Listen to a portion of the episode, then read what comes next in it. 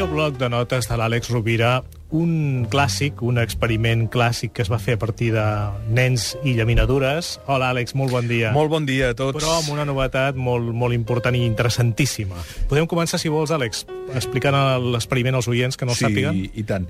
Aquest és un, un experiment de la psicologia social que es va dur a terme a finals dels 60 i principis dels 70 pel professor Walter Mischel que, era, que és catedràtic actualment de la Universitat de Colúmbia d'Estats Units.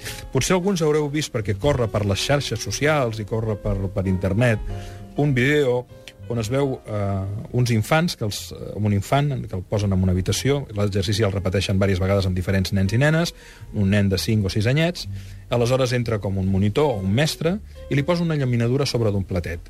I li diu, mira, si tu menges, no en tindràs cap però quan jo torni d'aquí una estona, i no li diuen quant de temps, si no, les, si no te l'has menjat, te'n donaré una altra d'igual. I en els primers experiments que, que, que es varen fer, doncs eh, el resultat era que més de la meitat dels nens que hi a la tentació es menjaven la llaminadura en menys de 3 minuts, perquè normalment estaven 4 minuts fora els monitors, és a dir, deixaven el carmelet i marxaven. La meitat, més de la meitat, en menys de 3 minuts. Un 15% aproximadament el pessigava, el llapava, i un terç va ser el que va superar la prova, un 30%. Uh, després, aquest professor Michel va seguir la vida d'aquests nens i se'n va donar que aquells que no havien tocat la llaminadura amb el pas del temps eh, manegaven millor la pressió, controlaven millor l'estrès, mm, gestionaven millor les seves relacions i obtenien molt bones puntuacions en el famós test SAT, que és el test d'accés a algunes universitats nord-americanes. Clar, eh, aquest test es va repetir i més o menys donava uns resultats bastant consistents, però fa poc a la Universitat de Rochester van fer un experiment complementari. Feien el mateix. El nen estava sentadet a la cadireta, entrava al monitor i li deia amb el platet, veus, aquí tens una llaminadura, si no te la menges te'n donarem una altra d'igual, si te la menges, res.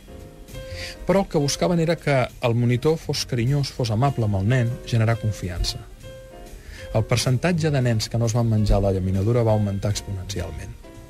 De la qual cosa ens centra una conclusió molt bonica, i és que si som capaços de ser agradables, de ser amables, de generar confiança, aquell infant diu, en aquesta persona me'l crec.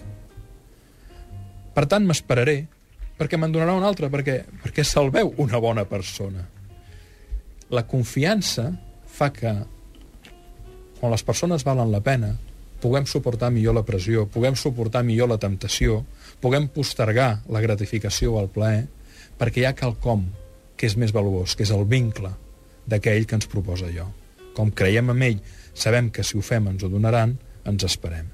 Aquest factor confiança el podríem extrapolar moltes coses de la nostra vida perquè ens demostra aquest experiment de Rochester que la amabilitat fa que la persona que la rep esdevingui més fort emocionalment. Àlex Rovira, moltíssimes gràcies. Fins una diumenge, una abraçada. Forta.